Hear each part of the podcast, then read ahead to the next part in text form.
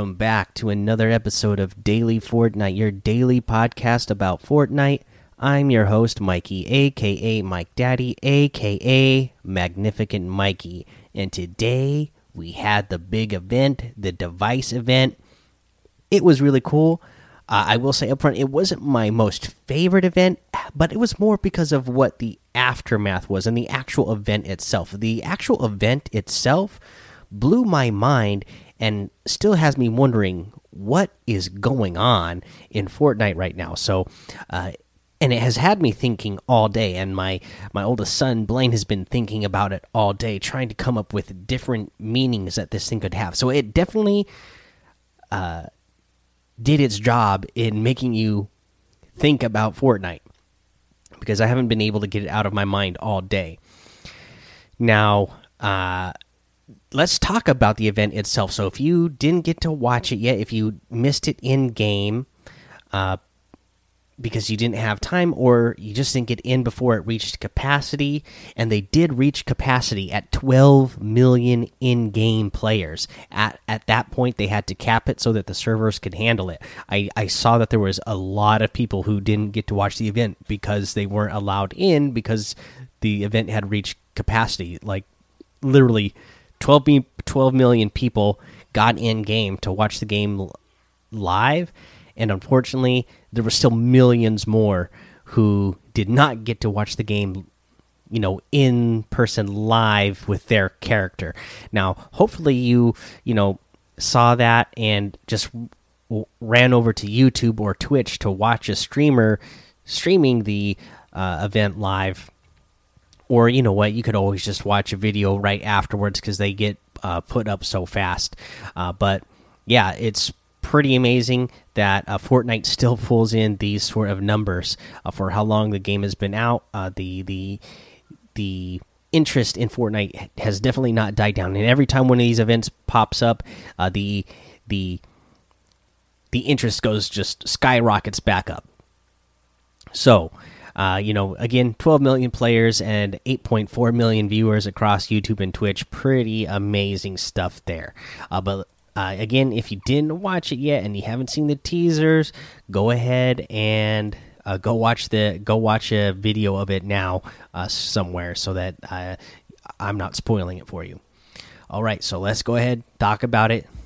We we started out the event. You know the timer is clicking down. You hear uh, a warning uh, signal, and then after the warning signal, the these big uh, lightning rods pop out of the hatches that were around the agency. Uh, it starts storming.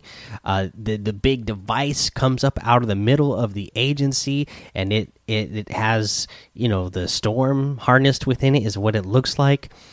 Uh, now the real interesting stuff to me is what happened uh, during these electric pulses. So you you would see that the the the lightning rods they would shoot out electricity and the storm was trying to move in on us but the electricity would just keep shoving the storm back. Uh, but uh, they what was really cool is that you would they had these little events where i don't know you like would the, the screen would go white and i don't know if you were being transported or just having a vision. It almost seems like being transported to another dimension or another place i don't know. That's what i still i still don't quite understand what was going on. But anyways you're transported to this office. You find yourself in this office. There's these secret agent files laying on the desk next to this computer. There are pictures on the wall of uh, jonesy and some other character. And uh, you hear mumbling outside, but you can't hear anything. Then uh, you you you break out of it. You go back to the uh, you know you're back at the agency watching this device fight the storm, and then uh, you eventually get get back into one of these things where you're transported. The screen goes white, and you go back to this area again. Uh, then this time you can actually hear the person who's outside the office talking, uh, and so you hear the character saying, you know, it's not just the storm, uh, you know, it must be connected to the loop. They couldn't predict this type of reaction, and then oh, you're sucked back out, and you're back at the agency again, watching this big old uh, storm try to come in at you. There's a tidal wave. I think this is where the tidal wave is. It might have been after the second one, the next one. But anyways, you eventually go back into that state again and transport it again. And this time you hear somebody talking again, saying that you know uh, whatever they did, something worked, and uh, they don't know how long it will hold, but everything is starting to stabilize. Uh, and I'm trying to remember here if this was where you might have went back in or one more time or it might have been here. I, I can't remember off the top of my head. But anyways you still hear him talking. Jonesy walks in and is surprised to see you there. He's like can see you and he's like seems surprised that you're there. And then he's also surprised that you can even hear him talking. So that is even stranger. That's what still has my brain uh, racked is this this part here where jonesy walks into the room that you're in surprised to see you and surprised that you can also hear him talking. So so weird. Uh, after the this last time though you're transported you're back on the battle bus and you drop back down to the agency and it just brought you back into one of the spy game modes and you are the the the big tidal wave is all around the agency so you're just fighting in a small circle. It i will say you can't go in the water. The water definitely acts like the storm before. You know it, it is dealing damage to you whenever you are in the tidal wave or the tsunami. Uh it so it still works in the same way the storm did before but instead of being able to run through it and shoot through it you actually you, you're swimming through it. So very uh, strange uh, change that we're going to see here. I don't know if this is like some sort of precursor to what's going to happen next. Uh, you know for season three if there's going to be underwater mechanics like this i don't know. Uh, i just we don't have to wait very long to find out. It's just you know two more days here. Uh, you know on well probably less than 48 hours we're going to find out because we're going to get we're gonna get it on Wednesday. Uh, okay, so that's what we got during the event. Let's go ahead and talk about what has happened since, and we've gotten some teasers. So I really like the way they've done this. So they've been doing these teasers just uh, on their on their social medias, like tweeting out one thing, but then also in game changing, giving you a different view of of the picture that they originally tweeted out on on their social media.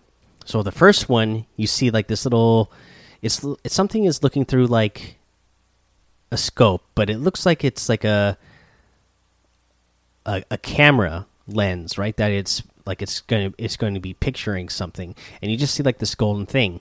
But then the next thing that they you get to see in game zoomed out is then you see it's like a big trident, a big golden trident. So again, kind of teasing some more uh, water themed stuff with the the next one, and then the next thing that they put up on their social media was this really close up thing of this metal thing that kind of looks like a moon, I guess, right? Like a metal moon.